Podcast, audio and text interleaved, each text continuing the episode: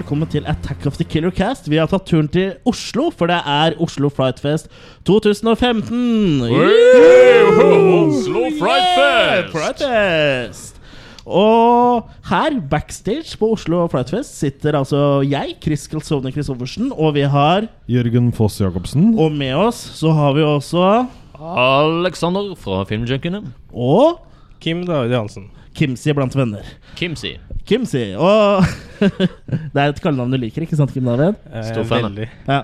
Uh, vi er jo på Flightfest, dere, og nå sitter vi backstage og koser oss med noe øl og nøtter.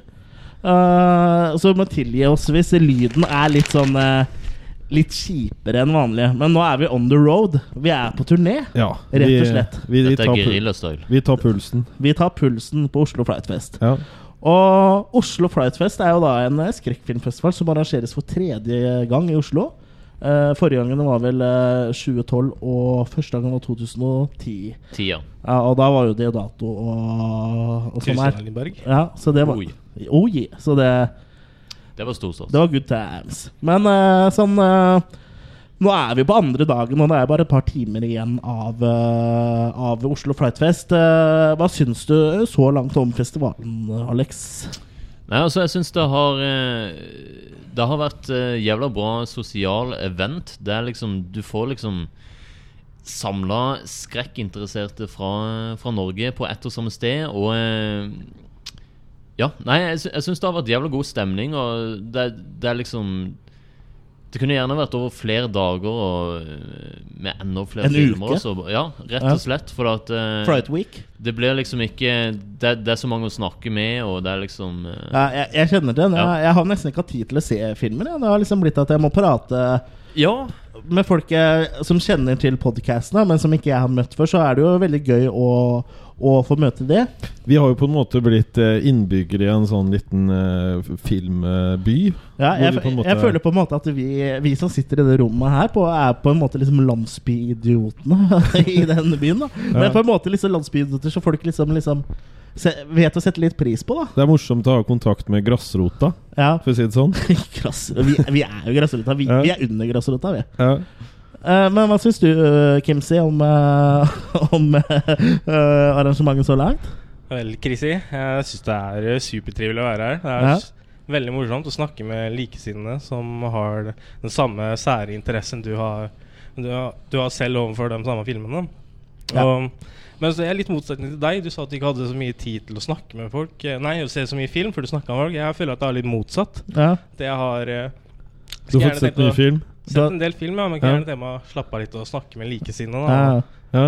For Det syns jeg er veldig trivelig. Du vet jo jeg er en sosial dude, vet du. Mens dere så på Late Faces eh, i, i stad, rett før podkasten her, så var jeg Mm. opptatt med å få de damene fra Gisela til å både piske og slå Per Ingvar eh, Tomren, som da har regissert uh, Christmas Cruelty, aka Jo hellige jul. Så Det, det har blitt en sånn eh, liten fetisj for deg, det, Chris. også, Ja. at Per Ingvar får gjennomgå. jeg liker at Per Ingvar får gjennomgå. er, han er vel en liten sadomasochist. Han Han, er liker det. Han syns det er litt gøy. Jeg tror han smiler litt Ja. når han gjør, gjør nå har sånn. også jeg sagt at jeg skal eh, komme en tur til Vestnes og være med ha en rolle i Hodeløse forviklinger, så jeg kan jo forvente meg ganske bra helg. Du blir satt i gapestokk. Vi er jo allerede med i åpningstekstene. Ja, det, det, Det, er vi det er litt stas. Som oss Ja. selv, men eh, også en annen eh, rolle, da. Men uh, eh, filmprogrammet her på Oslo Flatfest Det har jo vært uh, ganske spekka. Det har- Tettpakka. Det- Tettpakka. Det har Det har nesten vært litt for tettpakka. Ja, du må liksom prioritere hva du vil se. Sånn som uh, Ja. eh, Min film 'Brede og Greve filmrebell' ble jo vist samtidig som en film jeg hadde veldig lyst til å se, og det var Grotesk. grotesk. Ja, Den hadde jeg veldig lyst til å se, men så følte jeg jo at jeg måtte se hvordan publikum eh, reagerer på filmen jeg har lagd. Jeg ser Det Det er liksom det, var, det er liksom Du må gjøre litt sånn her Kill your darlings liksom Ja, ja. på det her programmet for hva du eh, skal prioritere og sånt. Så eh, litt mer luft i programmet hadde vært nice. Ja. Men igjen, fett. Det er bare fett at det er veldig litt fett. satt i gang. Og jeg, jeg skjønner jo du som filmskaper og at du har lyst til å se reaksjonene på filmen din, men jeg er enig med deg at det burde, burde vært satt av litt mer tid til sosialisering. Da, for eh, selv om vi er geeks, så er vi glad i å sosialisere. Også. Og jeg vil jo si at jeg, jeg har nesten sosialisert mer enn jeg har sett film eh, denne helgen her. Men Samme her. Uh, Helle måned, som vi, Vi er sier i Østfold. Vi er glad i å preke, òg. det er Ja. det som er problemet. Vi preker og preker. uh, men vi har jo fått sett noe film. Vi har vært nødt til å fordele oss litt for å få dekke festivalen eh, eh, så godt som mulig. Så Ok, du går og gjør det, og du går og ser den. Det ja, litt det sånn har, det, eh, det, har vært, har vært kjempestrengt. Det har vært sånn Nei, nå får du slutte å gråte, Alex. Du får gå og se den filmen. Ja, men jeg har jeg har ikke lyst til å se det. Jeg har sett Bred og Greve så mange ganger. Du har jo fått låne hatten til Gisla, og da var det veldig lett for deg å sende da forskjellige Ja, ja, til forskjellige poster. Og jeg føler at jeg fikk litt sånn eh, pondus av det òg. Ikke at jeg blir tjukk, da, men at, det, at dere respekterte meg litt. da Ja, og så måtte du innom Møllergata 19 en tur også. Ja, det måtte jeg også. Ja. Men sånn, hvis vi skal gå over på filmprogrammet eh, Kjære lytter, vi, hvis, vi har da, hvis vi hopper over din favorittfilm fra Oslo Flightfest nå Beklager, det er ikke meninga. Men eh, vi har prøvd så godt vi kan å dekke, dekke programmet. Og de det, er, det her er liksom de filmene vi har sett, og de vi eh, føler det er verdt å snakke om. da Det har vært en prioriteringssak. Ja. Og da kan vi jo begynne med Bredo Greve, en eh, filmrebell som er regissert av ikke Jørgen Foss Jacobsen og ikke Kim David Johansen, men Den er regissert av meg. Alexander Sirgstad. Ja. Men eh, der sa du Bredo Greve er en filmrebell, for eh, det ble skrevet feil i programmet. Okay, ja. tittelen, tittelen på filmen er Bredo Greve filmrebell. Ja, og det står faktisk i notatene mine her. Ah. Ja. Men jeg trodde at jeg hadde skrevet feil, men der har jeg lært meg en Ja. gang for alle. Cressoni, no mistakes. Yeah. Men uh, fortell litt om Bredo Greve, filmrebell, eh, Alex. Altså Det var en film jeg begynte på i 2011. Eh, det var egentlig resultat av eh, at jeg skrev en masteroppgave om amatørfilm. Norsk amatørfilm. Ja. Eh, hvor min eh, da medstudent Adrian Opphus skrev om Vam og Vennerød. Han har skrevet en uh, jævla fet uh, og interessant oppgave om de sin filmhistorie. Men uh, underveis, når han forska på Varme og Vennerød, så så han stadig navnet Bredo Greve bli nevnt. Det var en liksom sånn rabulist og bråkemaker i norsk film på sånn 70-tallet. Mm. Og da nevnte han at jo, han hadde drevet og utfordra norsk filmsensur på eh, 70-tallet med en sånn volds- og sexscene i en film som het 'Filmens vidunderlige verden'. Og der fikk jeg fuckings flashbacks til noe jeg hadde sett i en Hvem var hvor-bok Når jeg var sånn åtte-ni år. Ja. Og det var Det er bild... et par år siden. Ja, det er et par år siden. For å si det sånn. Og det var bilde av en eh, skjeggete mann med solbriller som driver og kutter opp ei dame til blods. Og eh, Det er Jørgen. Det, det var litt flashbacks også. det var litt flashbacks. Ja. rett og slett. Hvorfor du deg på flesk? Ja, Men i hvert fall- jeg koser meg. Ja, Det, er bra. Det bildet hadde satt inntrykk da, og jeg skjønte etter hvert at det var samme fyr eh, som het Bredo Greve. Mm. At dette var liksom eh, Ja, det, det, det gjorde inntrykk på meg som liten, og jeg føler det var en sånn her sirkel som nåddes igjen der. Ja. Det her er noe jeg må Sirkelen er sluttet, det, liksom. Ja, dette er noe jeg må finne mer ut om, liksom. I grevens tid. I grevens tid! I! Bred og Grevens tid. I bred og Grevens tid. Ja. Men i hvert fall, eh, tre år senere så hadde jeg skrevet en masteroppgave og da fullført dokumentaren om Bredo og Greve. Som eh, lagde film liksom på sine egne vilkår. Eh, Mm. I sitt eget studio på Grønland, der han hadde eggekartonger i taket og eh, liksom bygd sitt eget Ja, lille filmstudio. studio, liksom. Ja. Ja. Så er den første skikkelig uavhengige norske filmskaperen. Ja, Det er sånne ting vi i Attack of the Killer Cast, og sikkert også filmjunkiene, applauderer. For det er, det, Ja. det er sånne ting vi liker. Applaus! Applaus! Applaus. Applaus! Applaus! Nå fikk ikke jeg sett Brede og Greve, men nå har jo du vært så snill å gi meg en på DVD. Men jeg måtte jo se en annen film, men jeg skal snakke om etterpå. Jeg har fått en bootleg, faktisk. Eh, men du, Kim David, du har sett 'Bred og Greve, filmrebell. Ja, ja. Uh, hva syns du? Det var veldig bra. Jeg gleda meg til den filmen eh, veldig lenge. Helt siden Alex eh, begynte å snakke om det. Eh, og du posta jo vel en sånn uh, en liten på YouTube òg, husker jeg. Hva var det for en? Det, En liten teaser? Det er Sikkert en teaser-trailer. Ja, det var vel noe annet om Brede Greve, tror jeg. Ja, men Vi nevnte det faktisk i uh, Filmjunkenes toårs Spectacular. Ja, det var kanskje den. Da nevnte vi I- og is back! da, da annonserte vi at vi var i gang med den dokumentaren, faktisk. Stemmer. A documentary about a man Brido who went his own way. the count. Brido the Count. Nei, jeg syns den var veldig interessant å se på. Eh, jeg fikk veldig lyst til å se de andre filmene han laga. Vi så klipp av bl.a. en sensur. Den så i hvert fall veldig interessant ut. Mm. Um, også, jeg må også si jeg syns det var veldig profesjonelt laga. Altså, det er, er um, høy produksjonsverdi, og jeg er overbevist om at Alex og Ivar kommer til å bli to uh, meg kommer til å bli veldig store i framtida. At det er noen store regissører. Overvektige, tenker du på? Eller? Nei, eh, Too much bacon, man! Han har begynt å få part i magen allerede. Ja, så- han har det. Ja. Bacon. Nei. Nå, nå fikk jeg er ikke ikke jeg helt inn inne på trøffelsjøffel shuffle ennå. da. Eh, som jeg nevnte tidligere, så fikk jo ikke jeg sett uh, Brede og Greve, men den filmen jeg så, var litt grann kortere. Eh, så jeg fikk jo gått forbi eh, for å gå på toalettet, da. Etter at eh, Grotesk, som jeg skal snakke om senere, var ferdig. Ja. Og jeg må jo si at det var iøynefallende gode produksjonsverdier der, syns jeg. Nå så jeg ikke så veldig mye. Jeg så et sånt bilde av en synk, da, eller intervjuutsnitt med Bredo Greve og, og noen klippebilder der, men jeg syns jo at det, det var fine bilder, da. Ja. Og det her kommer jo fra en som jobber som TV-fotograf, så det bør, det bør jo ta til deg. Tusen takk. Ja, så- Tusen takk. Jeg, jeg gleder meg til å se den. Uh, jeg har ikke fått sett den nå, men eh, endelig, så om noen dager, skal jeg ha sett den. Mm. Men Jørgen, så du Du så filmen? ja, nå så jeg bare rulletekstene, men den var veldig bra. Nei, Ja, jeg så Jørgen faktisk elsker rulletekster. Ja, ja, måten den scrolla og sånn, det var helt fantastisk, Alexander. Det er ganske vanskelig å få Ja. til rulleteksten. Rulleteksten på slutten, tenker du? Ja, Ja, ja. Jeg jobber mye med den. ja. ja. Nei, men jeg fikk, jeg fikk med meg mer enn det. Jeg Ja. fikk med meg hele, og jeg fikk med også at det var en eh, mer avantgarde og hatt rulletekst i midten av filmen. Ja, og, ja jeg syns det var en underholdende dokumentar. Jeg, jeg, jeg forventer å se den her på, på TV framover. Og at du får til det. Det her er Vi, sånn uh, vi har faktisk sendt inn uh, til NRK forrige uke. Ja. Så, uh, sånn Jeg- til eksternproduksjon.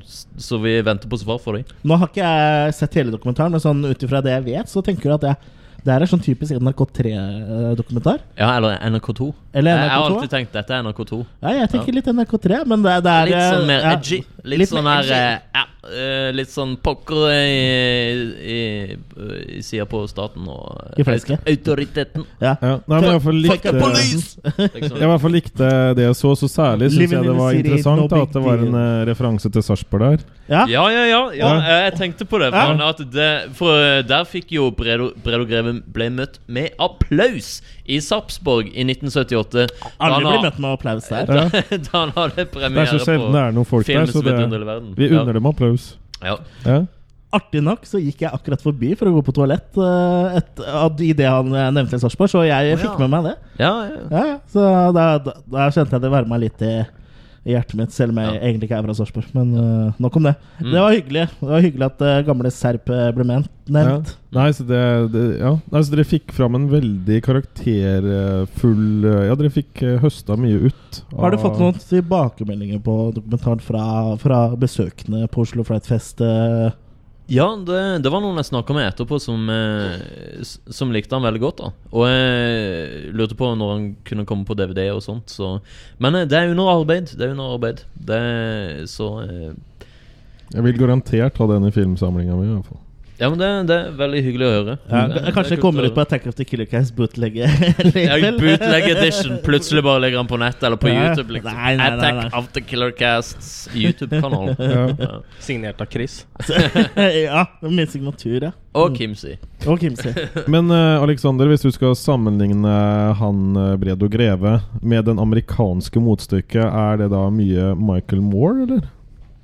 Ja, altså eh, Han, han, eh, han er jo liksom eh, Han brukt, Han protesterte jo på liksom ting i samfunnet, og det var jo det Han brukte jo filmen for å liksom protestere på ting han syntes var feil i samfunnet, da. Så han er Ja, det er litt Michael Moore der. Jeg, vil- Ja. jeg vil jo si det. Ja.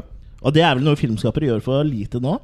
Eh, sånn ganske aktuelt så er det jo Ja. Erik, Poppe som mener at man ikke skal eh, kaste bensin på bålet når det gjelder eh, å, å fornærme folk ved Teide Muhammed og sånn. Og Mm. det her kommer fra en filmskaper, og det syns jeg er ganske hårreisende at en filmskaper ikke uh, mener at vi ikke skal støte noen. Du skal jo ha baller for Ja, å kunne altså jeg stå mener opp at Hvis du skal lage en film, så bør du ikke være redd for å støte noen. da Eh, Nei, altså få ut det du har på hjertet, og eh, Ja, ja. Så, så, så Bredo Greve hadde jo, jo Hadde jo ikke brydd seg filla om, uh, Nei, altså om å tegne Mohammed, da, for å si det sånn. altså, han hadde ikke filter. Nei, han har, han har ikke det. Og han, han har ikke filter. Men skal vi bevege oss litt videre? Mens dere så på Bredo Greve Filmrebell, så så jeg på Grotesk. Åssen var den? Nå, nå er jeg nysgjerrig. Det var en tittel som uh, tiltalte deg, Chris. Var en tittel som tiltalte meg. Eh, Grotesk er da en dansk amatørfilm. Eh, på mange måter så ser man at det er en amatørfilm, for den er filma med DV-kamera. Lyden er jo dubba! Det er jo okay. fantastisk. Alt er jo dubba, så det er sånn dårlig lipsync. Selv om de er snakker sjarm, samme språket. Ja, det blir sjarm. Uh, det, det, det fungerer veldig bra i, i den filmen. Og den tar seg ikke selv alvorlig, da. Så jeg, for jeg kan prøve å komme bitte litt inn på storyen uten å røpe for mye. Øh, det er jo en sånn dansk sånn uh, ferieidyllisk sted. Ja, riktig. Hvor det da har uh, en Som har blitt offer for radioaktivt avfall. Såpass? Som har kommet fra The Dark Side of the Moon. Ok. Ja, det er lettere å si det på engelsk. Ja, det er litt sånn Pink Floyd der. Ja. Og det har jo vært noen sånne astronauter der oppe, så de har jo styrta ned på jorda i dette ferieparadiset i Danmark. Eh. Og han har da blitt eh, Han ene astronauten har da blitt en eh, zombie-aktig type ting. Ja. Som da har Han ser ut som en zombie, men på sida av fjeset så har han en sånn svær munn med hoggtenner. Ok. Og, og Sidemating. sidemating. Ja. Og han her går jo da etter folk da for å drepe de eh, på ganske brutal, brutalt vis.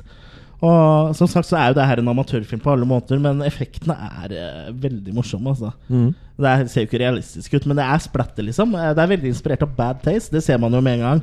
Og på, uh, uten å røpe er en liten spoiler her. uh, Mot slutten av filmen så kommer det jo en sånn amerikansk innsatsstyrke som, som dreper alle i området der.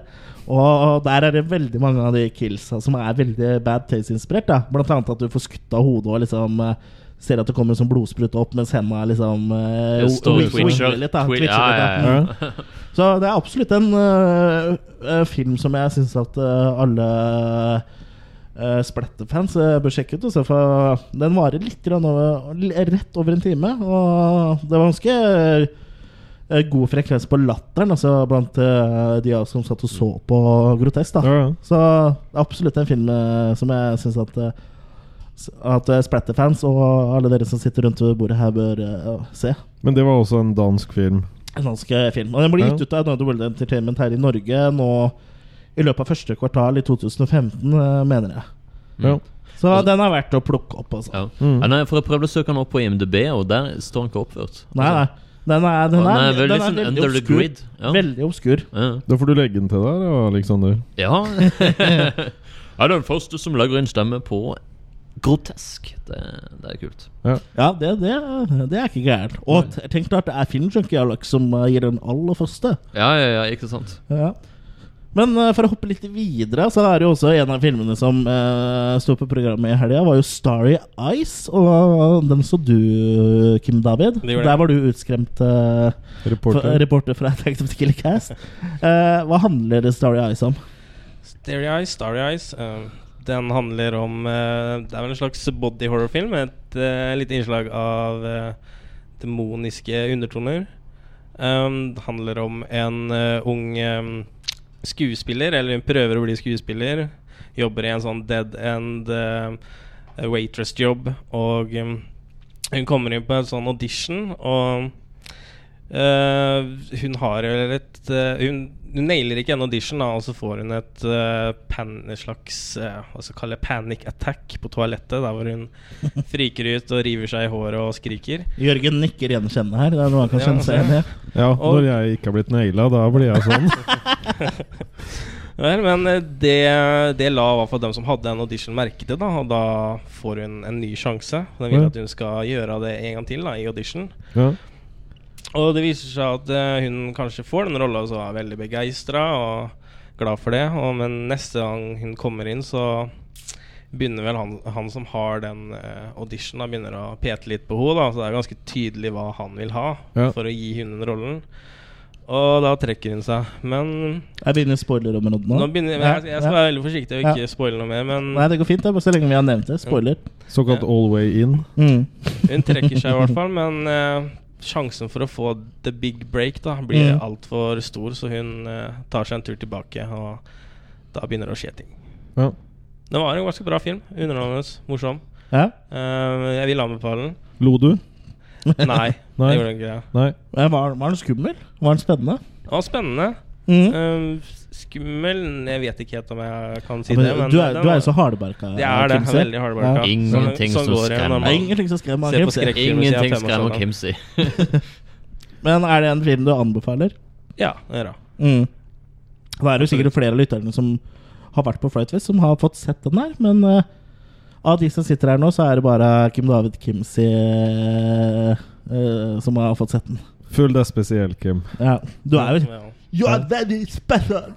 Rebel retard. Men jeg, jeg må si, jeg gikk faktisk Jeg tok en dopause, og da gikk jeg forbi eh, og fikk med meg litt av Stereo Eyes. Og eh, da hørte jeg at det var fet musikk. Ja. Kan det stemme? Var det rett Det var Stereo Eyes jeg gikk forbi. Det var litt sånn der, Litt sånn Claudio Simonetti-vibber over det.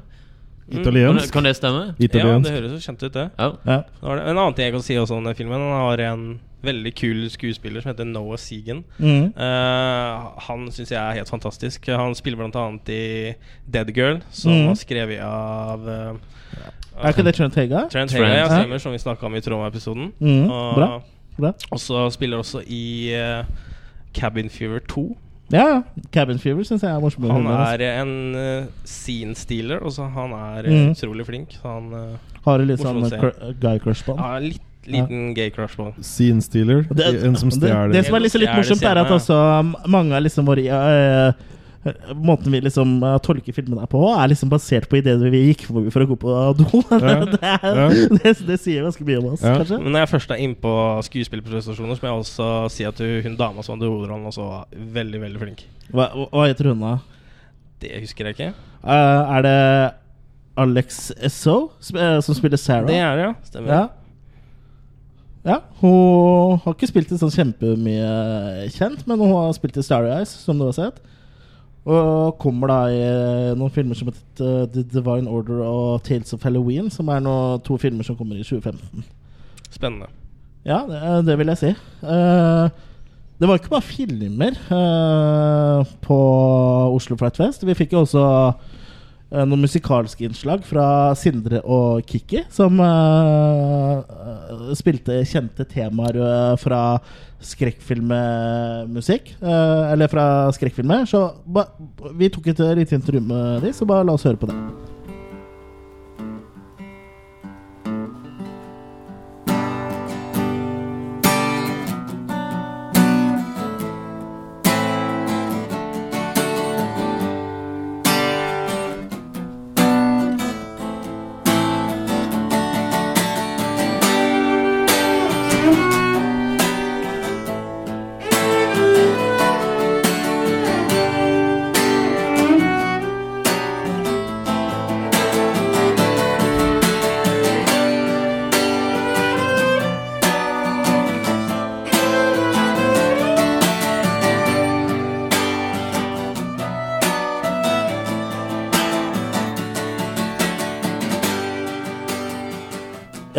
Ja, Kikki og Sindre, dere spiller jo nydelige toner der.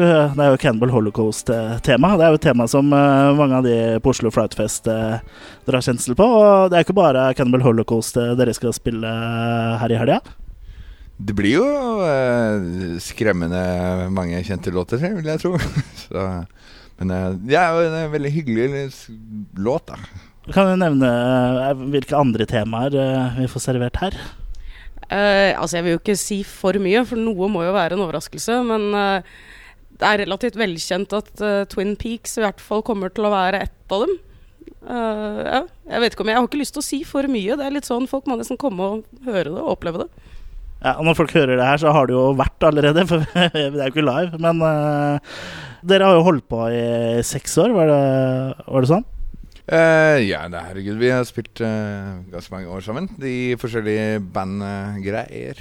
Uh, dette her er litt sånn off the beat. Vi bare ble egentlig spurt om å spille her, og så er det kjempegøy. Hva er det som appellerer med skrekkfilmmusikk? Og det er så mye, for å være helt ærlig. Men altså, det er jo Det har en helt egen evne til å bare gi deg skikkelig chills. Og særlig det der at noe så uskyldig som noen eh, små, søte jenter som eh, synger na-na-na, kan gjøre at du har mareritt i en måned. Det syns jeg er ganske trivelig. Dere spilte jo litt av Riz Ortolanis eh, Cannibal Holocaust timeinnlednings uh, innledningsvis her. Eh, hva er det dere liker ved den sangen? Det er jo at den er så utrolig eh, Litt sånn uskyldig og litt poppete. Men den har den der lyden eh, på melodien som eh, bare gjør det Den gjør det litt sånn skummelt. Ja, så tror jeg det er noe med også der at altså med en gang du spiller det Altså med en gang du spiller det uten filmen, da, det er da man på en måte forstår hvor naiv melodien egentlig er. For det er jo Jeg tror vi fant ut at det var på omtrent samme kordrekka som eh, Swam easy oh. Ja. Det er er også det som gjør en temamusikken såpass legendarisk, og er at det nettopp er så uskyldig, som dere sier. For det er ganske rak motsetning uh, til det som skjer i filmen. Jeg vet ikke, Hva slags forhold har dere til Cannibal Holocaust uh, som film? Eh, eh, det er jo eh, Syns jeg, for min del. Er Rett og slett. Jeg har ikke noe, har ikke noe mer forhold til den akkurat nå for øyeblikket. Enn annet enn at eh, man eh, var borti den. Nei, altså det er jo en fantastisk fet film. Det er det. Og det, jeg tror det er særlig det der at altså, musikken passer jo egentlig ikke til det som skjer. det er jo bare sånn det er. Eh, og det gjør at det er skikkelig creepy. Ja, det liker jeg.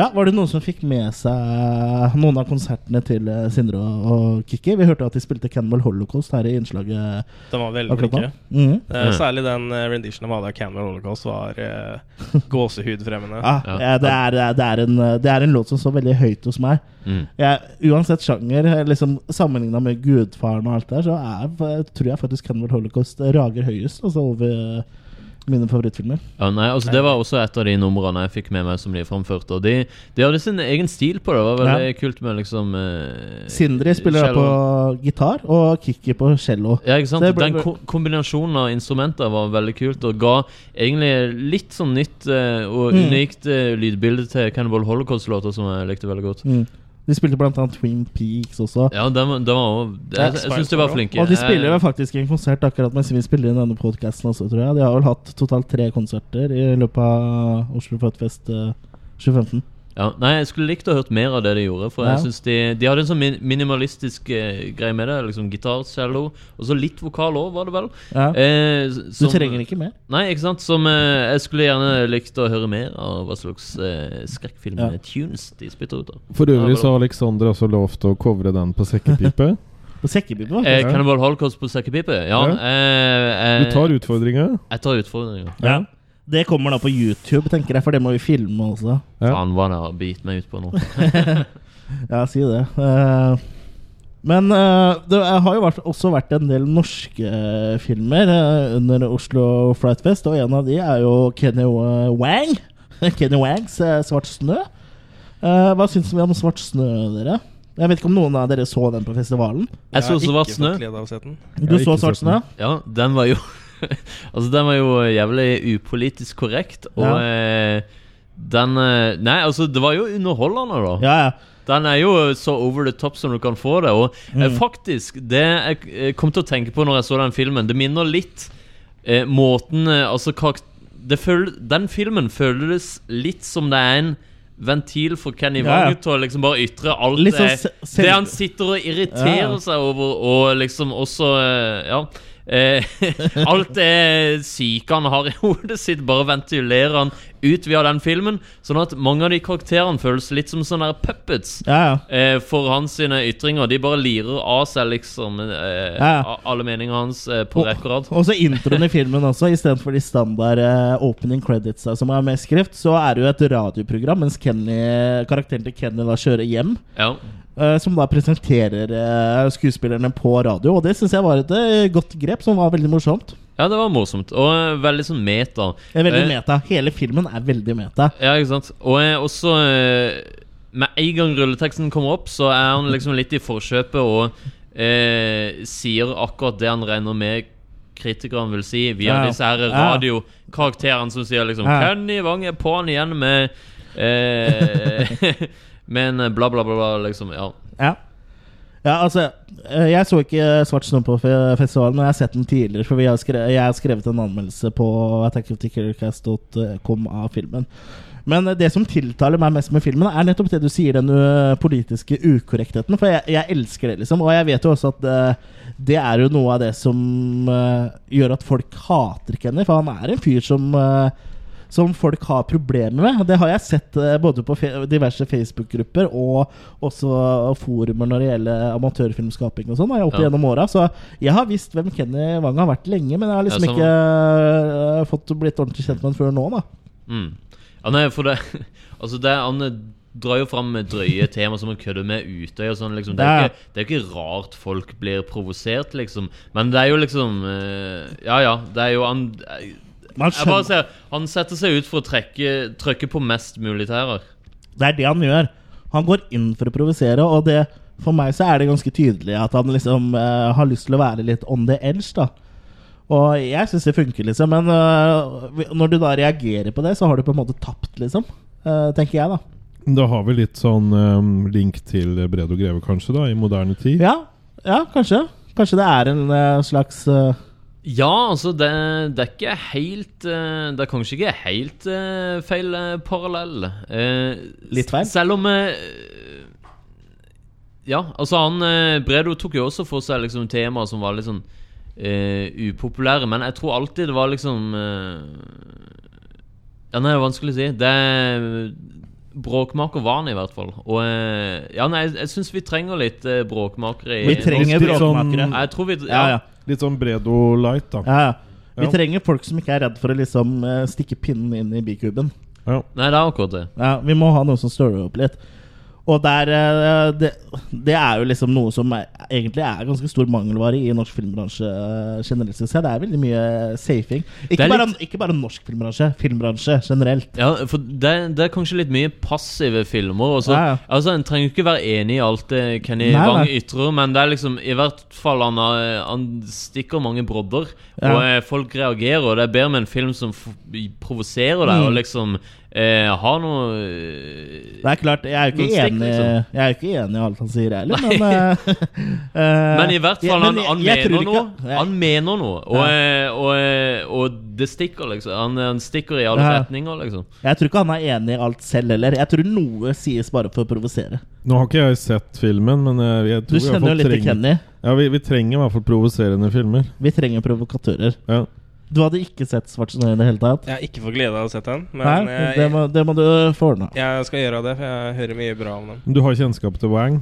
Jeg har litt kjennskap til Wang'en, Vangen, ja. Jeg har snakka med en litt på Facebook Ja. og sånn. Du kan jo låne Attack of the Killer sin eh, tittekopi. takk for det. Det er jo ikke bare filmer og musikk som uh, har vært med å prege årets uh, Flightfest. Uh, uh, selskapet Antagonist har jo også vært og vist fram uh, skrekkspillet sitt, uh, Through the Woods. PC-spill? PC-spill, ja. Som uh, også mulig kommer til konsoller som Xbox One og PS4. Eh, vi tok jo en tur til standen deres og prøvde spillet deres. The story that you're telling me is, and I mean this by the true definition of the word, unbelievable.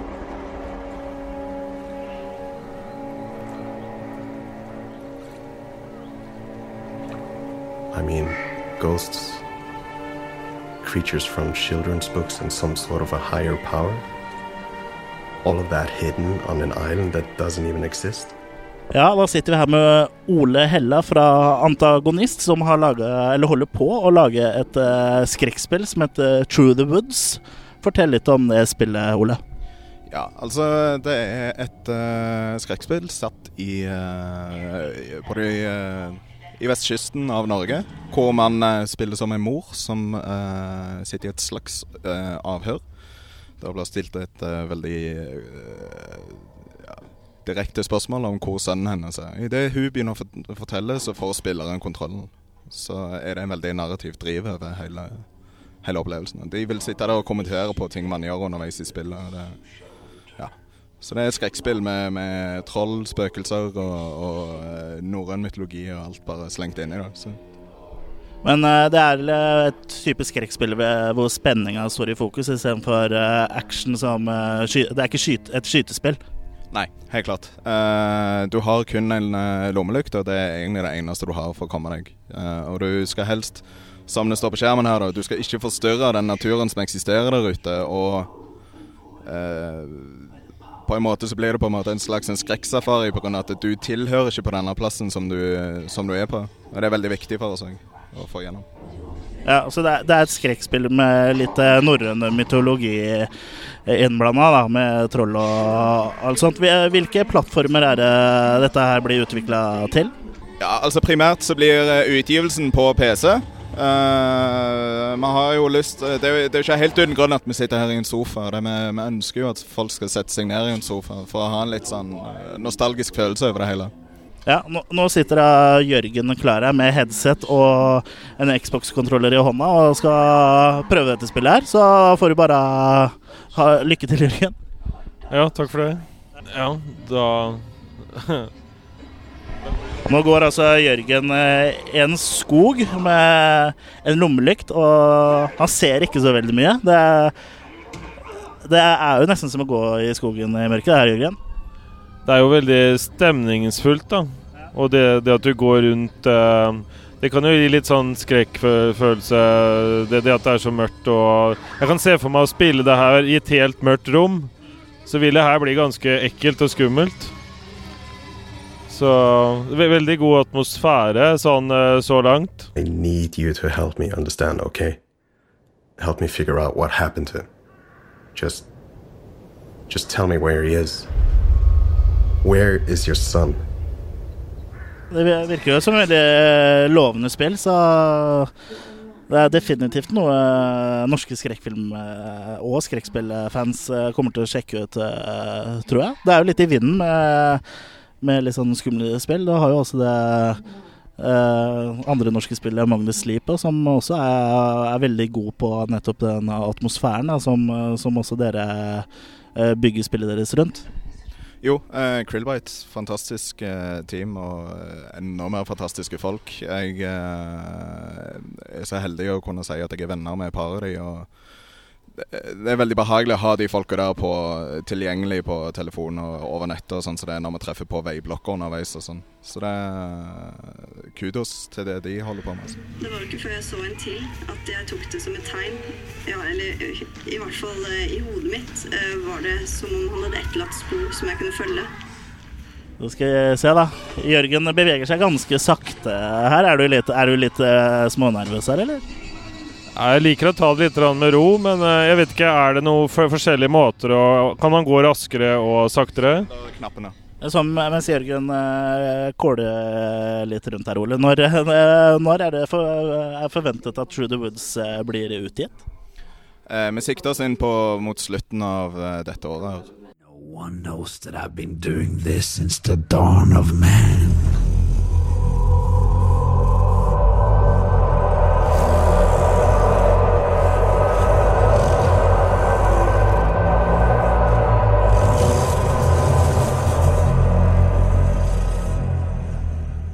True the Woods er jo et øh, veldig atmosfærisk spill. De spiller jo på atmosfæren, og det er ikke så mye Det er ikke et actionspill. Det er jo liksom øh, Det skal være skummelt og creepy å spille. Jeg vet ikke, Er det noen av dere som fikk tid til å spille? Jørgen, du fikk jo spille det. Ja, jeg fikk spilt det. Og Du gikk jo bare rundt i ring, du skjønte jo ingenting. som jeg sa ganske fort, eh, så var det sånn der Jeg savner motorsaga. Jeg savna våpen. Nei, men det, det er litt sånn eh, snodig med sånne Nå var vi spill. veldig politiske. Jeg hadde, jeg hadde forventa kanskje Du får, har en annen forventning. At du skal gjøre noe, at du har et oppdrag, ikke sant? Så når jeg gikk rundt og bare kom stadig hvor det lå tømmerstokker i min vei, så følte jeg liksom på en måte at her butta det litt.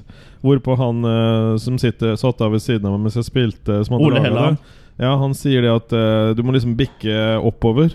Og da så jeg opp, og så så jeg at det glimta. Ja, for du skal følge noen sånne reflekser på en måte som øh, barnet ditt har øh, lagt ut. da Ja, og så skal du ikke forstyrre naturen. Så du får ikke lov Nei. til å hive ølbokser og sånn i naturen der. Her får du møter og tusser og troll og det som er her. Ja. Så det, det, det er et veldig atmosfærisk spill. Som ja, eh, det er jo i eh, veldig tidlig utvikling, men det ser veldig spennende ut. Du fikk jo Du fikk ikke prøvd det, men du så noen som spilte det, Kimse? Ja, jeg var dessverre ikke så heldig å få prøve det, men eh, jeg titta litt på det. Og det ser veldig interessant ut. Jeg likte veldig godt den historien bak spillet og sånn. Og det var veldig interessant. Og jeg tror dem Jeg tror det spillet her kan bli veldig bra. Um, Ja. Men jeg Jeg er jo en gamer selv, ja. og jeg sp spiller vel kanskje veldig mye. Så er du gamer, eller? Ga gamer, ja. Okay. Ikke gamer. Nei, nei. Men um, jeg, jeg vil si at de utviklerne vil tjene utrolig mye på å switche fra tredjeperson over til førsteperson. For da er det faktisk eh, Du får jo mye mer Hva skal jeg si Det er I stedet for at du kontrollerer en karakter, så er det du som er karakteren. Ja. Og alle disse skrekkatmosfærene og sånn vil eh, blir mye sterkere. Da. Du får Ja. mye mer sterke inntrykk av det. Mm. For når monsteret jager faktisk deg, ikke sant? du må snu deg rundt, og du ser monsteret komme mot deg, i stedet for at den kommer etter karakteren din. Da. Mm. Ja, Um, det, er, det er jeg enig i. ellers så Jeg ser er- den, altså. Ja. Mm. For du ser også de fleste horrorspillene, altså som Amnesia, Alien Isolation Alien Isolation er steinbra. Det er få spill som har så god atmosfære De spillene hadde ikke vært så bra hadde det vært i tredjeperson. Det Nei. hadde ikke vært like skummelt. Du er nok inne på noe der, for du føler deg mye nærmere Jeg holdt på å si to the action, men det er ikke så mye action her. Men jeg har jo spilt Alien Isolation på Xbox One en del, og det har jo vært perioder hvor jeg har vært nødt til å legge fra meg spillet, for, eh, for det blir for intenst, liksom. Ja. Det er eh, Du sitter liksom på en spikermatte og venter på den der eh, jævla alien plutselig skal komme og ta deg. Ja, men det er bare et spill, Chris. Hæ?! Nei, det, nå, Ja, skjønner, nei, det nå skjønner jeg ingenting. nei, men det er i hvert fall morsomt da med spill som er ja, sånn. ja, det er jo det. Og, og det er jo ikke et skytespill, det er et first person shooter uten shooter-delen, da, sånn stort sett. First person horror. Ja. Survival horror first person. På, Men eh, jeg, igjen, jeg, jeg tar meg litt øl, jeg. det, er- det er interessant at dere nevner det med Du nevner Amnesia, blant annet. Altså, jeg har spilt veldig lite nyere spill. Altså, jeg spilte mer før. Men Pac-Man Med Pac-Man og Super Mario og sånt. Uh, Euforia, blant annet, bare for å name-droppe det. mm. Men uh, jeg husker en gang uh, meg og Ivar fra Filmjunkene Vi bodde i et hus med en uh, annen kompis. Mm. Det berømte Filmjunkie-huset der uh, flere episoder han er spilt inn. Ja, i Lillehammer, eller? Ja, Mm. i Lillehammer, ja. Og eh, da husker jeg en gang eh, Jeg bodde i øvre etasjen da. Så Mm. hørte jeg bare masse sånn her eh, nærmest sånn, nærmest sånn der skriking fra stua. Og eh, da gikk jeg ned, og da var det Ivar og en kompis som satt og spilte Amnesia. Og Ja, ja. de var helt revet med, og det var dritcreepy. Liksom. De var Jeg har hørt mye Og det er bra jo- om det. ja. Mm. så har jeg skjønt at eh, Og det er jo noe med det der eh, first person, og du, du blir satt mer i skoene på absolutt. karakteren du spiller, Mm. liksom. Så survival horror er jo litt i vinden. Vi nevnte jo Alien Isolation. Og det er vel ikke survival horror, men vi har også det norske spillet som Ole Helland nevnte i reportasjen her, da, som Among er Sleep. Among Magnus Sleep ja, fra Krillbite Studios, som, hvor du da spiller en toåring. Et spedbarn, i hvert fall. En baby. Det er også i første person. Det er også i første person, og det er veldig atmosfærisk spill. Og det er jo ikke noe skyting. Du har med deg teddybjørnen, liksom, og that's it. Men det er utrolig uh, fint spill, altså. Så jeg anbefaler å sjekke ut det. Og jeg anbefaler også folk om å, å gå inn på antagonist.no og følge med på True the Woods, for det, det her kan bli et uh, bra spill, altså. Uh, norsk spillutvikling er jo i vinden som aldri før. Det, det er det. Det virka i hvert fall veldig lovende. Mm, det gjorde det. Men selv, eh, Jeg antar at det var en sånn ting de skal ha vekk, men det lagga når jeg drev og så flytta lommelykta i spillet. Ja, men det er jo en veldig bort. tidlig Det er jo ikke alfa engang, det det minste her, tror jeg. Jeg trodde du skulle si det var hjernen min. jeg, Chris Ja. At det er ikke lag i spillet. Men fra norske TV-spill så skal vi over til eh, noe av det særeste, i hvert fall jeg har sett uh, denne helga her. Og det er eh, kortfilmen eh, 'Night Satan and the Loops of Doom'. Den var helt fantastisk. Ja, eh, fortell. Fortell. Jeg, jeg vet ikke hvor jeg skal begynne engang. Og så klare å forklare det greiene her. Det er, du må bare ha et helt open mind og bare sette deg ned og bare ikke stille noen spørsmål. Bare la det bare synke inn. For det Hva skal man si? Det er jo- en, en det er- ørken. Det er jo den rene syretrippen, da. Ja. Det, det er jo Har ikke jeg tatt syre, men eh, jeg skjønner at det kan godt være sånn her. Som det er i filmen. Ja, det, det, hva, hva som folk var det her? Det var en med skjelettmaske, og en som så ut som en droid, og så en som så ut som en Han ene sånn ligna på en blanding mellom uh, Boba Fett og Iron Man. Ja. Nå snakka vi så robotstemme. We are robots. We are robots. This is a robot. From outer space. Og så, Det var jo noen damer i den eh, kortfilmen som var begravd i ørkenen som en sånn kid. Var Og en sånn transeperson og drev og satt på sånn headset som gjorde at eh, vedkommende ble satt fast i en loop hvor de bare skreik og skreik. Og, og når de prøvde å ta av det headsetet Spoiler! Så sp sprengte hodet. da Det er veldig, veldig sær film. Ja. Og jeg følte meg ganske sånn mindfucked etter jeg hadde sett det. For jeg skjønner egentlig ikke hva jeg har sett. Nei. Men jeg, det var veldig fine bilder. Den var godt produsert. Og såpass sær at jeg likte den. da Ja, for jeg, han, jeg liker det sære ting, Jørgen. Det er jo derfor du er her. ja, for han Og gjør jo ikke noe forsøk på å bli forstått, filmen. Det er bare sånn, du dumper bare rett inn i den. Ja, ja, ja du må, her må du tolke selv. Er, det- er det noen som har noen interessante tolkninger her, Alex? Altså, jeg så ikke hele filmen. Jeg kom inn eh, Jeg tror jeg hadde, sett, jeg hadde akkurat sett Svart snø, som kom ned, og da var det vel eh, ca. mot slutten av eh, denne Night Ja, ja. Satan-saken. Og det første som Night Satan slo- and the Loops of Doom. Loops of Doom.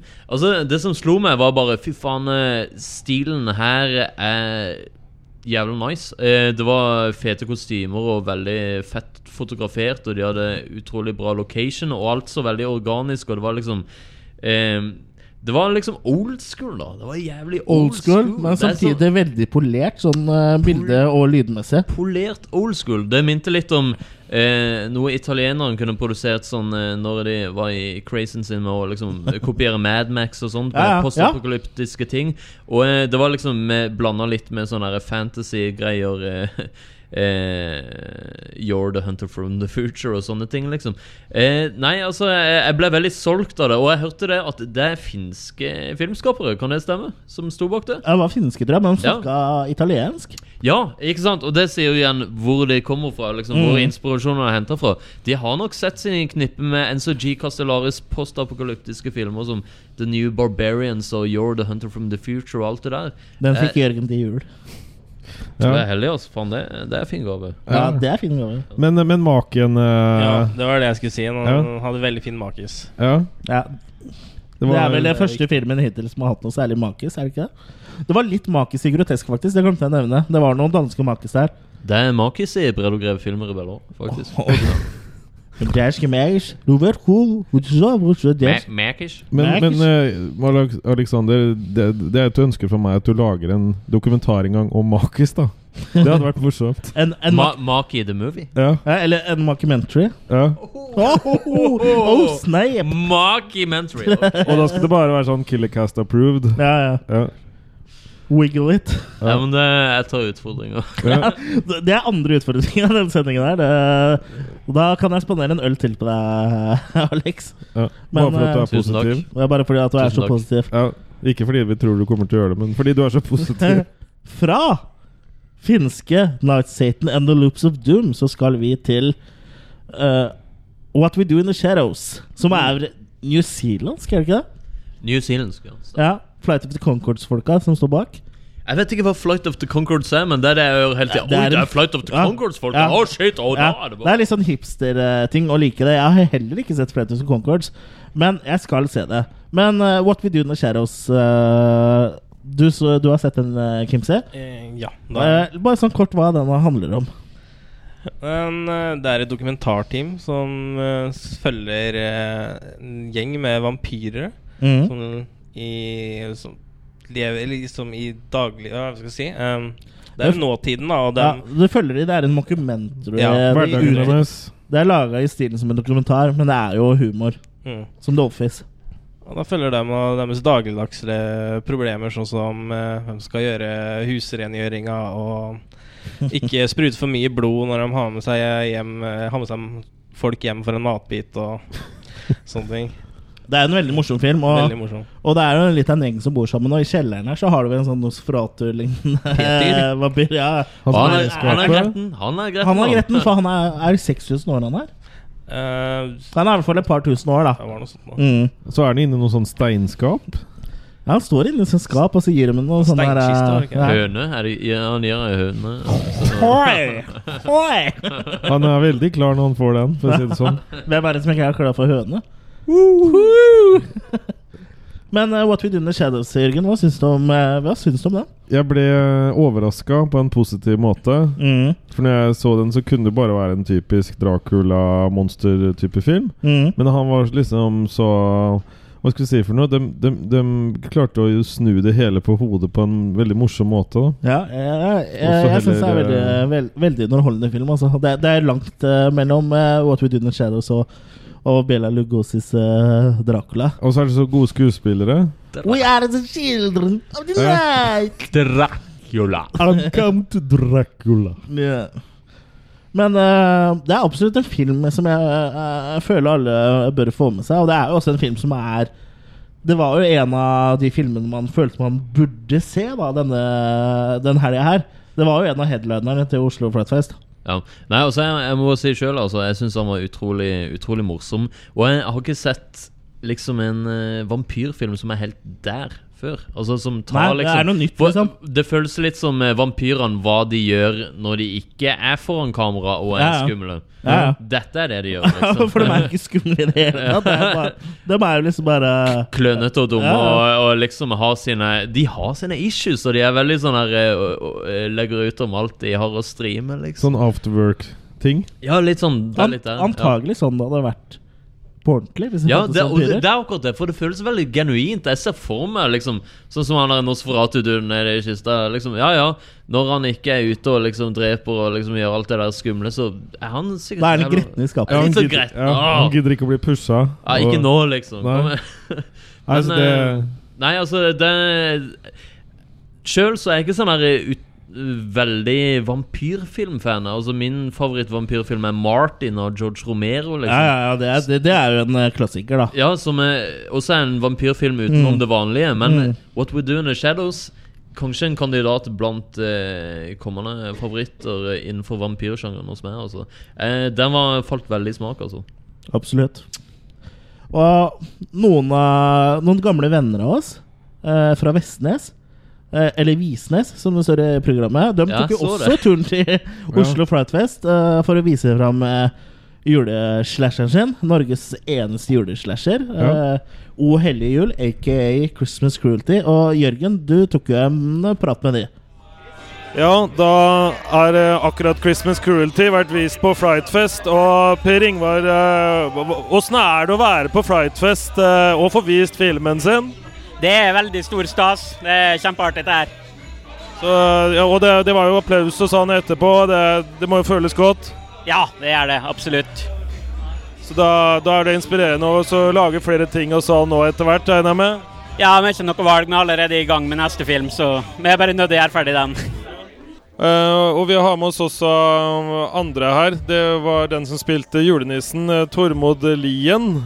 Det er kjempespesielt å være her, og det synes jeg absolutt. Og jeg må si at jeg får nå kanskje de samme merkelige, rare følelsene oppi meg igjen hver gang jeg ser denne filmen. For det, det er litt spesielt, jeg må innrømme det. Og jeg går gjennom en del ting i meg sjøl hver gang jeg ser den, fordi at um, det ikke vært bare enkelt, for å si det rett ut. Og jeg måtte sette meg inn i mange sider i eh, galskapen, for å si rett ut, som skjer i samfunnet. Og jeg måtte finne eh, mine forsvar for å være med og for å gjøre ting. Og, og jeg merker faktisk sjøl jeg er sliten bare av å se filmen nå. For jeg merker at jeg kommer tilbake alle sånne følelser som jeg slet med. Jeg slet faktisk en del under innspillingen jeg gjorde. Og, og jeg måtte ha brukt en del tid nå i ettertid og forklart folk hvorfor skulle du være med på sånt. Det kunne vel vært kanskje enklere å sagt nei til slikt såkalt tilbud, da, for å si det slik. Men når folk hører at de skulle være med på en ny film, så samler seg gamle tanter og barn at det må vi se. Og er godt og Det var kanskje noen som fikk kaffen i halsen når de så deg? Ja, helt klart. helt klart. Men samtidig så har jeg fått en del, jeg har fått en del positive tilbakemeldinger av folk som jeg overrasker meg, fordi at de nettopp ser kanskje en, en annen side av meg, eller en annen karakter som jeg kanskje klarer på en eller annen måte å utføre på en, en eller annen måte. Jeg vet ikke. Også fått med her Magne Stensvold, som også spiller i filmen og har laget mye bra musikk til eh, filmen 'Christmas Cruelty'. Og Magne, åssen er det å være på Frightfest og få vist fram eh, filmen eh, som du har vært med på? Ja, Det er ett ord å si. Det er stort. Absolutt stort. Det er ganske spesielt for oss å være her i Oslo og vise en eh, film fra en liten plass etter Vestnes. Det er helt fantastisk, egentlig. Det er litt artig og det er litt spesielt, men eh, slasher så har såpass mye humor. Men det, det viser jo det Humoren er jo i og vennskapet mellom uh, altså min person og Per Ingvar, da, som sitter i rullestol. Og eh, jeg syns at det var litt viktig å ha mye humor i like en type film som det. Passa utrolig bra. Og det fungerte utrolig godt på publikum, og det var artig å høre. Det var òg mye samtale med Per Ingvar. Eh, Han ønska liksom eh, OK, jeg har jo sett uh, Cannibal Holocaust. Ønska litt sånn musikk som det her. og ja, man kan la sette meg ned og fundere litt. Og jobba eh, to-tre måneder på en melodi, og eh, det ble bra. og og det andre låta Per Ingvar er jo bidratt med litt tekst eh, i en par andre låter. Og i laga melodien og storkosa med oss. Så mye av ideen til musikk er vi laga i lag. Liksom kan Per Ingvar ønske, for at det, det er jo mye Per Ingvar i filmen her. Vi har jo snakka veldig mye om uh, O hellige jul på den podkasten her. Blant annet har vi jo hatt en egen episode, og vi har også snakka om den i, i juleepisoden. Men uh, det er jo en veldig forseggjort uh, juleslasher uh, fortsatt, syns jeg. Den, eh, den er underholdende. Altså, i dag så eh, fikk jeg Jeg drev og retta Jeg hadde skrekkfilmquiz her på Frightfest. Så jeg drev og retta den mens O hellige jul gikk. Mm. Men eh, når jeg var ferdig med å rette, så gikk jeg ned, og da fikk jeg med meg sluttscenen. Og jeg, jeg syns det jeg liker De har gjort så mye effort og Mhm. lagt så mye arbeid ned i spesielt med gore-effekter og, eh, og liksom karakterer og sånt. Så jeg, Ja. jeg syns det er en gøyal film, altså. Det er det. Det er, er, veldig- det er good fun, liksom. Det er, det er veldig morsomt. Folk lo og klappa og Ja, publikum var ivrig, ivrig der. Ja. Det ble klapp på rulleteksten og Ja, ja. applaus. Og, og det er jo hyggelig som en filmskaper å, å, å ta til seg. da At, Ja. det, at filmen blir såpass eh, godt, godt mottatt. Folk kosa seg. Eh, Du nevnte jo quiz, Alex. Hvem var det som vant quizen i går? I, I går så var det Det der Igor. Det var vel dere? Var det ikke det? Ja, det er- Eh, Hva var det navnet var igjen? Night of the Igor? The Nei, Minion Igor. The Minion Igor var det. Ja, det var noe sånt da. og i, i dag var det The Frighteners. The Frighteners. Eh, Ja. Det, det er kult film. Med Michael J. Fox, eh, regissert av Peter Jackson. Peter Jackson. Ja, Peter det er- Jackson, motherfucker in the house. Motherfucker Peter Jackson! Nei, men det, det er en ganske bra film. Altså. Det, den har liksom både humor og Har du ikke sett den? Jo, jeg har sett den. Ja, du har sett den. Altså, den er ikke så verst. Jeg syns den er veldig morsom. Men jeg er veldig fan av Michael J. Fox. da Du har sett den, eller, Kim? Hva, Frighteners? Mm. Ja, jeg har sett den. Jeg elsker jo Back to the Future, så jeg er veldig fan av Michael J. Fox. Og jeg syns The Frighteners er en veldig morsom, morsom film, da. Eh, men eh, det er ikke det Frighteners vi skal snakke om. Uh, ja, det hender at vi gjør det. Jeg syns ikke vi har spora så veldig ja. Det var den første avsporingen. Ja. Altså. Vi har vært flinke og, og at- disiplinert. På tross av at eh, vi begynner å få ganske mange øl innabords, og at du sitter uten bukser, uh, Alex. Du, Ja, jeg må bare beklage det. ja, du, sitter, du sitter i balja di. Ja, sånn er det bare. Dere får bare finne dere i det. Ja. Eh, men uh, O hellige jul, eh, Kim David, du har jo ikke snakka noe særlig om den. Hva syns du om uh, den? Jeg er veldig enig med det Alexander sa. Veldig fete spesialeffekter. Veldig tydelig at man har lagt mye arbeid i de gore-effektene. Gjennomført. Veldig gjennomført. Ja, For å høre liksom mer sånn dyptgående om, eh, om eh, de effektene, så kan du høre på en norsk spesial. En veldig hashtag, bra podkast. podcast. Ja, Attack the Killercast. En Ja. Norsk spesial hashtag 2, hvor vi da snakker om O jul. Og der snakker vi veldig mye om effektene, og det er, det er en kreativ gjeng, altså den gjengen fra Vestnes. Det, det må jeg si. Men fra norsk uh, juleslasher så skal vi over til en norsk uh, kortfilm laga av vår venn fra Trysil, uh, Lars-Erik Lie, 'Hypnagogia'. Og Er det noen som har fikk sett den? Nå Jeg så den ikke nå på festivalen, men jeg har sett den før. Jeg kjøpte den via Vimeo On Demand. Stemmer. Det samme gjorde vi. Mm. Jeg og Jørgen. Nei, altså, altså Sjøl var jeg ikke sånn her overbegeistra for uh, The Thrill of a Kill, men jeg syns Hallo! Hallo! Kimsey. Men uansett, uh, Hypnagogia syns jeg var eh, et steg i riktig riktig retning. Jeg syns det var øh, visuelt mye fett der. Mye bra Veldig inspirert av Suspiria, sånn uh, lyssettingsmessig. Ja, og eh, Mario Bava òg. Han Ja, var jo mesteren å bruke bare fargeskjermen med farger. Mm. Og det er jo ganske åpenbart at det er der eh, Lars Erik er inspirert av. Ja. Og eh, ikke sant, En kan jo kanskje kritisere filmen for eh, litt sånn kleint uh, skuespiller i og med at det er, at det er nordmenn som skal Ja. Som har engelske replikker og Ja, og spe og spesielt to Camilla som blir voldtatt i starten. Det er, det er kleint. Ja, ikke sant. Mm. Men uh, igjen, jeg syns stemninga liksom veier opp igjen for det der. Og, eh, Ja, ja. Det er jo en amatørfilm.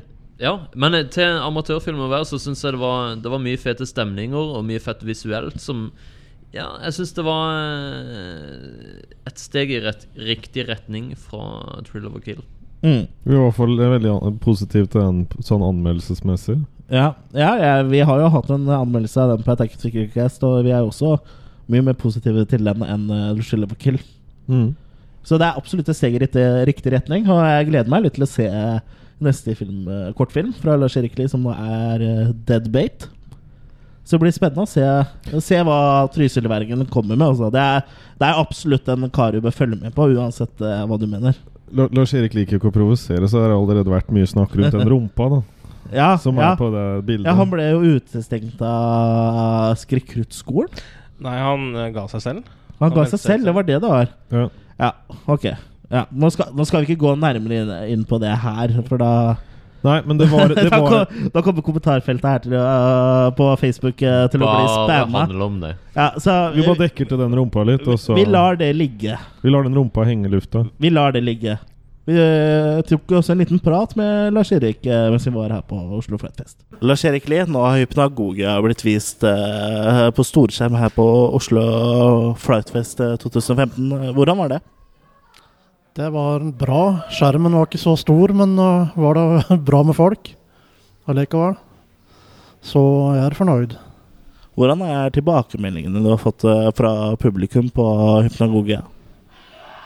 Nei, dem som jeg prater med, har uh, vært fornøyde. Syns det var kult med den farvestilen og lyssetting og sånn som man brukt. Fortell litt om uh, fargestilen du har brukt. Du, har- du har blitt litt inspirert av noen italienske regissører. Der hun har du sett på de filmene fra mange år tilbake. Og f.eks. Mario Bavas 'Planet of the Vampires'. Tidlig 60-tall. Den er jo veldig, veldig farverik. Og selvfølgelig Dario Argento, da. 'Suspira Inferno' og, de filmene hans er også vært en stor inspirasjon.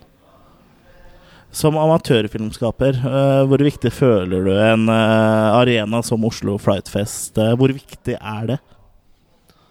Det har blitt en ganske viktig arena, egentlig. For, I hvert fall for oss undergrunnsfilmskapere. da. Det er ikke så mange steder som vi får vist disse obskure filmene våre, så det, er greit å ha en plass her oppe, i hvert fall. Så vi er takknemlige for det. Liten takk til Oslo Flightfest for at de lar oss undergrunnsfilmskapere få vist frem litt av de tinga vi gjør. Så veldig happy for det. Og ikke minst veldig morsomt også at det er såpass med folk gadd å komme opp i andre etasjen her og kikke på. Så artig. Og fra Hypnagogia så hopper vi elegant videre til eh, Autumn Harvest. Det er ikke en film jeg eh, fikk se, men uh, du har sett den uh, fra tidligere, Alex. Jeg har sett den før. Det, det er en film av Fredrik Hana som er ganske fremadstormende innenfor eh, skrekk her i Norge. Han En kortfilm. Ja, det er en kortfilm, da. Autumn Harvest. Mm. Som er litt sånn HP Lovecraft-inspirert eh, film. Skutt i sort-hvitt. Mm. Veldig, veldig bra fotografert. Mm. Eh, og det er da en eh, slags sånn seriemorderfilm. Altså Det er en fyr som driver og ofrer Ofrer mennesker for å få tilbake sin eh, tapte kjærlighet da, som døde. Og eh, den er veldig bra visuelt og eh, har et utrolig kult eh, lydspor. Og mm. en sånn 19 minutters sak. Og eh, til og med Brian Justner Ja. fikk sett denne filmen og kommenterte på den og kalte den vel noe sånn som eh, A Lovecraftian uh, puzzle box of a film. Uh, noe i den gata. Mm. Og uh, det Nei, den er veldig lovende. Han har jo tidligere lagd liksom, musikkvideoer for kve, Kvelertak og Haust og Mm. Ja. Uh, Vi har jo også en anmeldelse av Angst, piss og drit ute på Attack of the. Killer Cast, skrevet av Aksel Hegge. Ja, den er, den er også absolutt verd å sjekke ut om folk får mulighet. Det er veldig stilig seriemorderpar Ja. Det handler om. Eh, Kult. En litt sånn unormal kjærlighetshistorie, da. Men Autumn Harvest, absolutt verdt å sjekke ut. Eh, Stilfull og grotesk.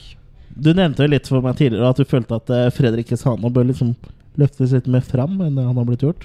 Ja, altså i hvert fall her på festivalen så følte jeg at Autumn Harvest ble kanskje i Litt programmet litt mer en sånn sidenotis. Ja, Ja, ja. så viser vi Autumn Harvest. Men igjen, den faen, den er, den er ganske unik, og det er et, eh, det er et norsk talent da vi har Mm. her, som eh, bør løftes fram. Ja. Absolutt. Enig. Jeg ser at du holder mikrofonen på veldig sånn eh, rappermåte nå. Skal du, skal du legge ned noen rim for oss, Alex? Ja, nei, jeg lader opp til noen rhymes, noen beats. Bare gi meg en beat, så er jeg i gang. Jørgen, kan du gi Alex en bit? Kom igjen, Alex. Yo. Frightfest! Aha. Aha! Yeah. Horror movie, bitches! Slash it and drop! Living in the city ain't no big deal. Living in the city, no big deal. If the crack don't get you, then the hookers will. Yeah. Vi skulle hatt noen fra Hvem- hvem- Politiskolen. Og fra Autumn Harvest og, og en begynnende rappkarriere, vil jeg si, så skal vi hoppe over til eh, en eh, film som heter Late Faces, som er en, eh, en varulvfilm. Er det australsk?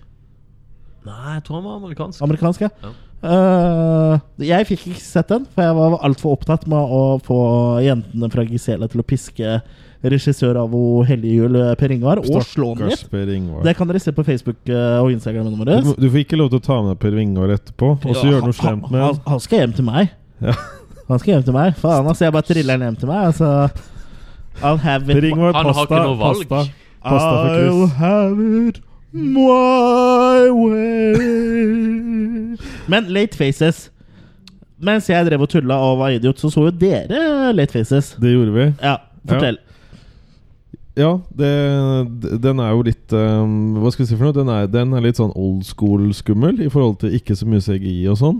Altså, det, det var det første som slo meg. At den var Jeg, jeg likte filmen eh, veldig godt, uh, for å si det, først og fremst. For han uh, kjører kun det praktiske effekter all the way. Og det er jo en varulvfilm, da. En gammel Vietnam-veteran og varulver som begynner å En blind Vietnam-veteran. Ja, som begynner å lumske rundt. Og eh, Nei, altså Det, det som eh, jeg sitter igjen som jeg ble mest imponert av, var at alt var praktiske effekter, og det ser eh, Det- det er veldig ser, bra. jæ- ser jævlig nice ut. Det er liksom en trend, det, det at det praktiske effekter er på vei inn igjen. Ja, Jeg syns det er bra Jeg synes det er en bra jeg synes utvikling. Synes det er bra For også Star Wars episode 7, eh, som da JJ Abrams lager òg, har jo veldig mye praktiske effekter. I hvert fall i forhold til George Lucas sin prequel-trilogi, men der var jo alt skutt på green screen. Ja. Men uh, jeg liker den trenden med at uh, At, uh, at det ikke At de ikke liksom bare bruker CGI. At de heller ser på CGI som et verktøy når det ikke er mulig å få til med noe annet. Ikke sant? Jeg, Ja. Men jeg føler det er litt Det er akkurat som Det er mer vår generasjon som begynner å lage film nå. Altså Ja, ja. De som er født på 80-tallet og vokste opp på den tida, som har et litt sånn nostalgisk forhold til eh, de filmene som Puppets kom sånn. ut da, og liksom ting som var mer organisk. Mens Har de som var Master? før der igjen, så var kanskje mer sånn her Poopet Master. Ja, har du det? Nei, jeg har ikke det. Men igjen, Det var en liten shout-out til Henrik. Henrik, Ja. eh, Beam fra Beermania. Beermania. Be- Beermania. Yeah. Drunken Reviews. Yes. Men, men det å følge opp med det også, at man ikke helt viser det som er skummelt med en gang, som Mm. ofte blir gjort feil i dag, i hvert fall sånn jeg opplever det. Det at de ikke ja, rett og slett ikke viser den fram med en gang. La det være litt spenning. Vise fram hva da? Jørgen, ta på deg buksa. Vi, vise fram eh, vampyren. Å ja, ok. Ja. Va- Varulven. Ja, varulven. Ja, men det- Det syns jeg også var et veldig godt grep med denne. At han holdt egentlig tilbake ganske lenge og fokuserte på karakterene og alt det her. Ja. Sånn at du ble litt vant til det. Ja, det her handler om karakterer, men bam, så mot slutten så er han liksom jævlig intens i, eh, når varulvene eh, slår til på verst, og eh, Absolutt. hovedkarakteren fighter mot dem. Ja. Og jeg liker jo best karakterdrepende skrekkfilmer, for da bryr du deg mye mer om karakterene når Det the det. shit goes down i tredje akt. da Det får skrekken til å funke når du bryr deg om karakteren. Ellers så blir du passiv ja. Og jeg er ikke så glad i skrekkfilmer som liksom kom sånn i bølgene etter Scream, da hvor liksom ja, det, skal det skal skje noe hvert femte minutt. At Nei, det skal når dø du noen år fikk du fikk minutt. ADHD-rytme på filmer. Liksom. Ja, det er, det er ikke noe bra. Men Late eh, Faces er altså en film i, i attackofthekillercast.com slash filmjunkene kan uh, gi tommelen opp. Ja, jeg gir tommelen opp, jeg, også. Jørgen viser magen sin. Det er veldig sensuelt. Ja. Det er på tide at vi snart runder av her nå, skjønner du, for nå er Jørgen klar. Uh, men før vi gjør det, så skal vi snakke om en norsk film som eh, ja, Unnskyld, har du noe du vil si om uh, Late Faces først? Eh, ja, eh, bare en liten ting. Jeg syns det var veldig morsomt å se Tom Noonan igjen. Ja. Ja. House of the Devil. Ja, riktig. Og jeg tror kanskje flesteparten kjenner vel han mest igjen som eh, Kane fra Robocop 2. Ja. Og han spilte jo også uh, Frankensteins monster i The Monster Squad. Ok. Ja, ja, Ja, så klart! Det er der jeg har han fra, ja. En veldig høy jævel. Ja. Og han er jo en fantastisk skuespiller, så det er alltid morsomt å se ham på storskjermen igjen. Mm. Jeg syns uh, for øvrig presten minner så ille om han ene som spiller i Walking Dead. Hvem er de da? Presten, det er Tom Hvem i Walking Det er Dead? Ja, er det han dere snakker om? Det er han Det er han, det er han Ok. vi snakker om, ja. Ja. Ja, men Er han med i The Walking Dead, han da? Det tror jeg ikke. Nei, men han bare ligner. Han har, Du tenker på han der eh, presten Eller han er kristen, han gamle far i, Ja. i, i eh, Walking Dead. Ja, han går med- Ja, jeg, jeg ser likhetene. Ja. Jeg ser likhetene. Mm. ja, så jeg prøvde febrilsk når jeg så filmen, å la mobilen ligge i, uh, i futteralet og ikke begynne å I futuralet. Futteralet, faktisk. Ja. Ja. Men Men eh, det var ikke det. fra Late Faces eh, til kveldens uh, siste uh, film, som er en av de filmene som har vakt mest oppmerksomhet eh, nede på gulvet, i hvert fall. Kanskje pga. de blonde damene som går rundt i, i Gestapo-uniform. Nemlig Gisela. Gisela. Herskerinnen av Victoria terrasse. Ja. Og vi tok jo faktisk en prat med de, vi, Jørgen. Eh, Jeg står her nå med hun som spilte Irma i eh, Gisela. Og ditt egentlige navn er Mia Romenseth eller Valeria. Åssen er det å være på Frightfest eh, og se seg selv og det at filmen blir vist her på Frightfest? Åssen er det? Ganske spennende, veldig, veldig skummelt og veldig flaut. Da står jeg sammen med hun som spilte Henriette Oliver Rinnan. Og du heter egentlig Elin Moxnes. Det å være her på Frightfest det er jo utrolig morsomt, da. Men det å se seg sjøl på lerretet, det har vært så kleint som det går an å få, da. Og det har aldri ledd så mye under en innspilling før. Altså, jeg har aldri vært med på en innspilling før, men i hvert fall den innspilling her, det har jeg ledd mye under. Hva er det som særlig sitter igjen? Nei, eh, kanskje den scenen der jeg skulle klaske Gaute over trynet da, og ikke fikk til replikken min etterpå. Så den klasken den eh, kom og gjentok seg ca. fem-seks ganger. Det var utrolig morsomt, det. Vi hadde vel i teorien egentlig sånn eh, fem centimeter padding på ryggen, men uh, den gjorde ikke så veldig mye, for jeg slo jo med all kraft, og jeg bomma jo som sagt på et tidspunkt, så det var jo utrolig morsomt for han som sto og ble torturert, da. For det ble jo veldig ekte for han. Så ekte smertehyl der, for å si det sånn. Er du like myndig i virkeligheten som du er på film? Veldig. Uh, Sjølvaste Gisela. Uh, hele navnet ditt. Susanne Olavsdottir Ingdal. Og hvordan er det å være her på Frightfest? Skummelt og morsomt. Var det snodig å, å se det her nå sammen med alle som satt her? Det var det. Jeg har jo sett det med venner og sånn, men uh, det her ble jo litt uh, skumlere. Hva kommer du til å huske spesielt godt uh, fra innspilling av denne filmen? Um, Tortur? eh, tortur og vitser, og at vi hadde det så utrolig morsomt. Da står jeg med Stakan, også med, med ditt ordentlige navn er Bjørnar Stuen. Ja, og hvordan føles det å bli vist her på Frightfest? Nei, jeg vet ikke. Jeg føler ikke at vi er helt i horrorsjangeren, men jeg ser jo elementene i det på et vis. For min del så var jo det her bare artig. Gaute Lo. Ja, jeg spiller Max Anus eh, i den filmen her. Et uh, lite sleivspark til Aksel Hennie der, vil jeg tro. Men uh, det tror jeg kanskje mer på portretteringa av motstandsmenn i norske filmer fra før, mer enn på motstandsmenn akkurat som sådan. Hele, hele ideen, eh, hvor, hvor kom dette fra? det, hvor skal jeg begynne? Eh, jeg har lenge hatt lyst til å lage eh, et eller annet med tematikken, men jeg har aldri funnet noe passende tema.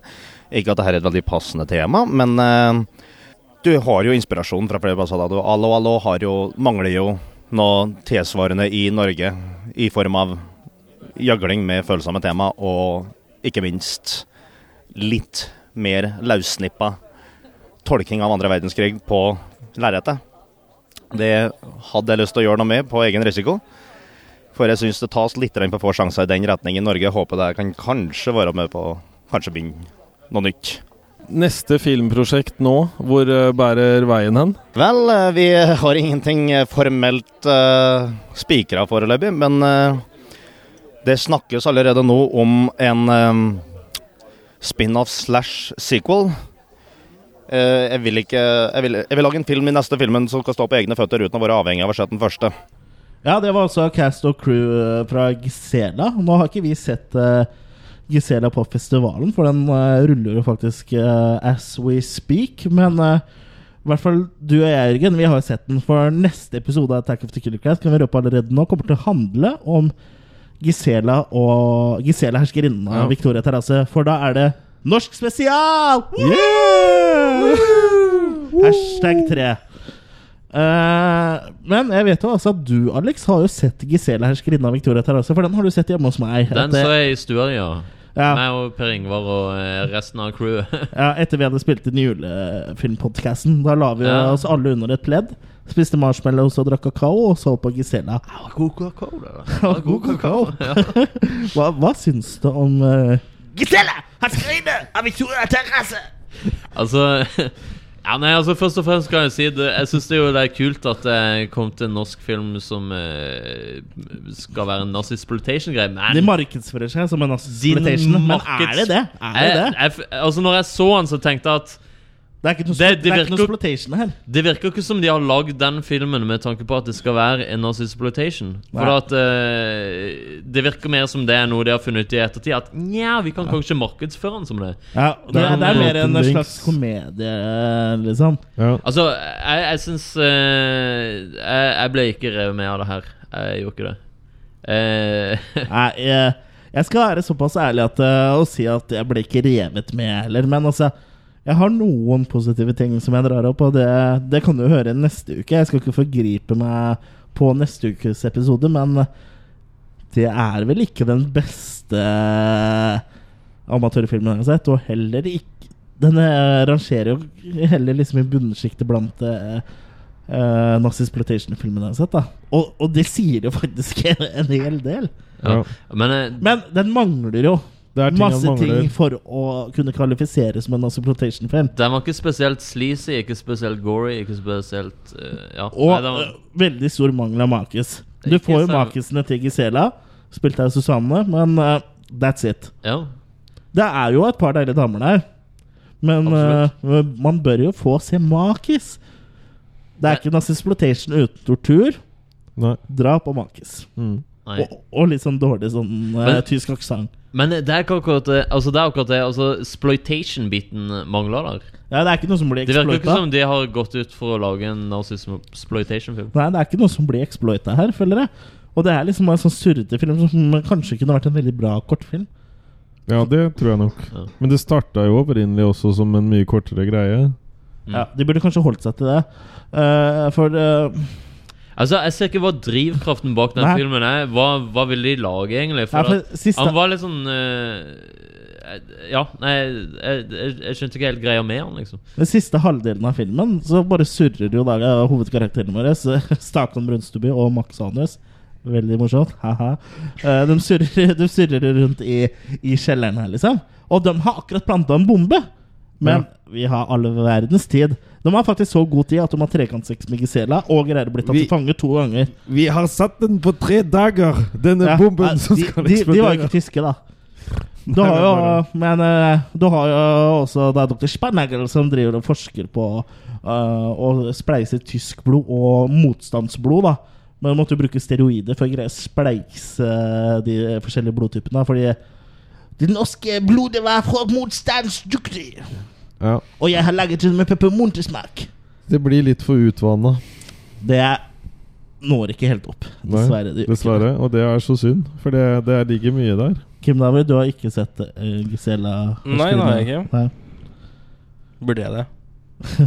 Ærlig svar? Mm. Nei. Det blir det så- burde, du trenger ikke det. Men Det blir- altså, selvfølgelig er du interessert i norsk amatørfilm, så er det vel verdt en titt, men eh, ikke ha for høye forventninger. Det blir litt som parykkene. Det blir litt blekt. Ja. Ja.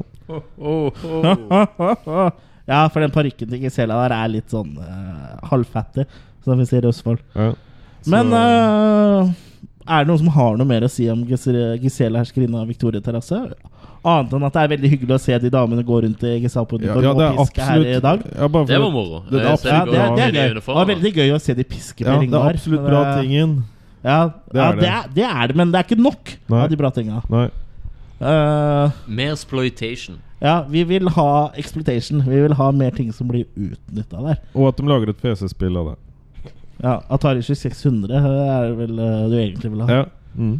Gisela som uh, skyter hakekors. Ja. Men sånn for å oppsummere litt, da åssen uh, syns vi at Oslo Flightfest har vært, uh, Jørgen? Jeg uh, syns det har vært veldig interessant. Jeg uh, syns uh, vi, uh, crewet Killercast, har blitt tatt kjempeflott imot. Ja.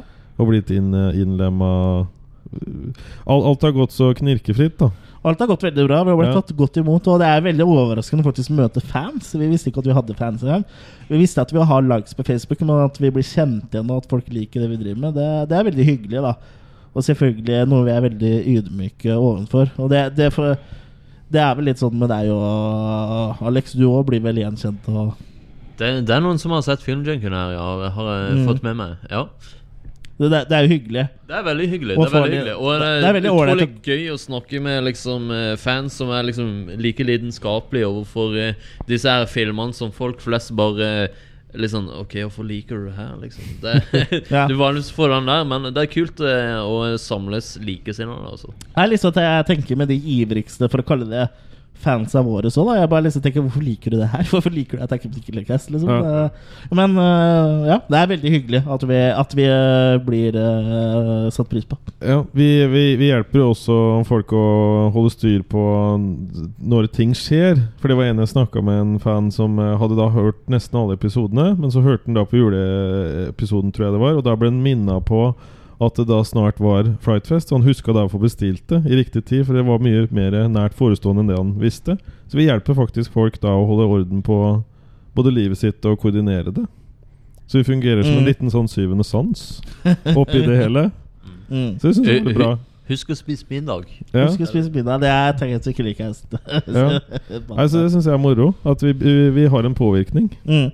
Kim David, oppsummer uh, din helg. Det har vært veldig trivelig. Mm. Morsomt. Det er sånn veldig trivelig å snakke med likesinnede, da. Og du føler deg ikke så veldig skal si, som en freak, da. Når du liker Nei. så mye sære filmer og sånn, så Mm. ja, det er morsomt liksom å ja, snakke med likesinnede, rett og slett. Og, sånn, som det- når du er på quizen, liksom, så er det Som vi vant. Som vi vant, ja. Og andreplass i dag. Mm. Det er morsomt liksom å vite- Du kunne snu deg til en som bare Ja, det er den filmen der, liksom. Ja, ja, det er klart det er den filmen der. Og, Selvfølgelig. Mm. Selvfølgelig. Selvfølgelig er det den filmen der. Og så må jeg bare ta med at jeg blir så fascinert av å gå rundt og se alt det fine skjegget som folk går Det er veldig mye skjegg her. Ja. Det er veldig mye skjegg. ja. Så det, det setter jeg pris på. Å gå blant så mange skjegg, skjeggkledde menn. du liker skjeggkledde menn? Ja. Mm. Men uh, det oppsummerer jo faktisk Oslo Flightfest 2015. Det er Jørgen skjegg. liker skjeggkledde menn. Det er Ja. mye skjegg her. Ja. Så ikke, ikke noe sånn veldig pågang nå etterpå, bare fordi jeg har sagt det. Nei. Dere som hører på det her. Det er bare det at jeg beundrer dere på avstand. Men frem til neste gang så må du huske på å følge oss på Facebook og på Instagram og Twitter. Ja. Vi har vært veldig aktive både på Instagram og Twitter Ja. her. Det har eksplodert på Twitter. Og så må du sjekke Attack of the Killer Ca- Attack of the Killercast.com, som det i hvert fall heter. Filmfor8.no, som vi utviser i samarbeid med. Og selvfølgelig Filmjunkiene.no og filmjunkiene.montasj.no. Montagis.no. Og eh, selvfølgelig YouTube.com. ja, youtube.com. Har du noen nettadresser, eh, Eh, uh, Jørgensmage.com. Ja. Følg med på pornhub.com, eh, brukernavn Kimsey 1982 Uh, da er det vel ikke så mye annet å gjøre. Nå, nå ser jeg Jørgen begynner å kle seg, og da er det på tide å runde av. Neste gang så sitter jeg og Jørgen uh, i uh, Attack of the Killer Cat-studio i Sarpsborg og snakker om Gisela, herskerinne av Victoria Terrasse. Det du sa til meg, var at neste gang så sitter vi i badstue ja. i Sarpsborghallen og snakker om Killercast. Ja. ja. Så fram til det ha det bra! Ha det bra! Ha det bra!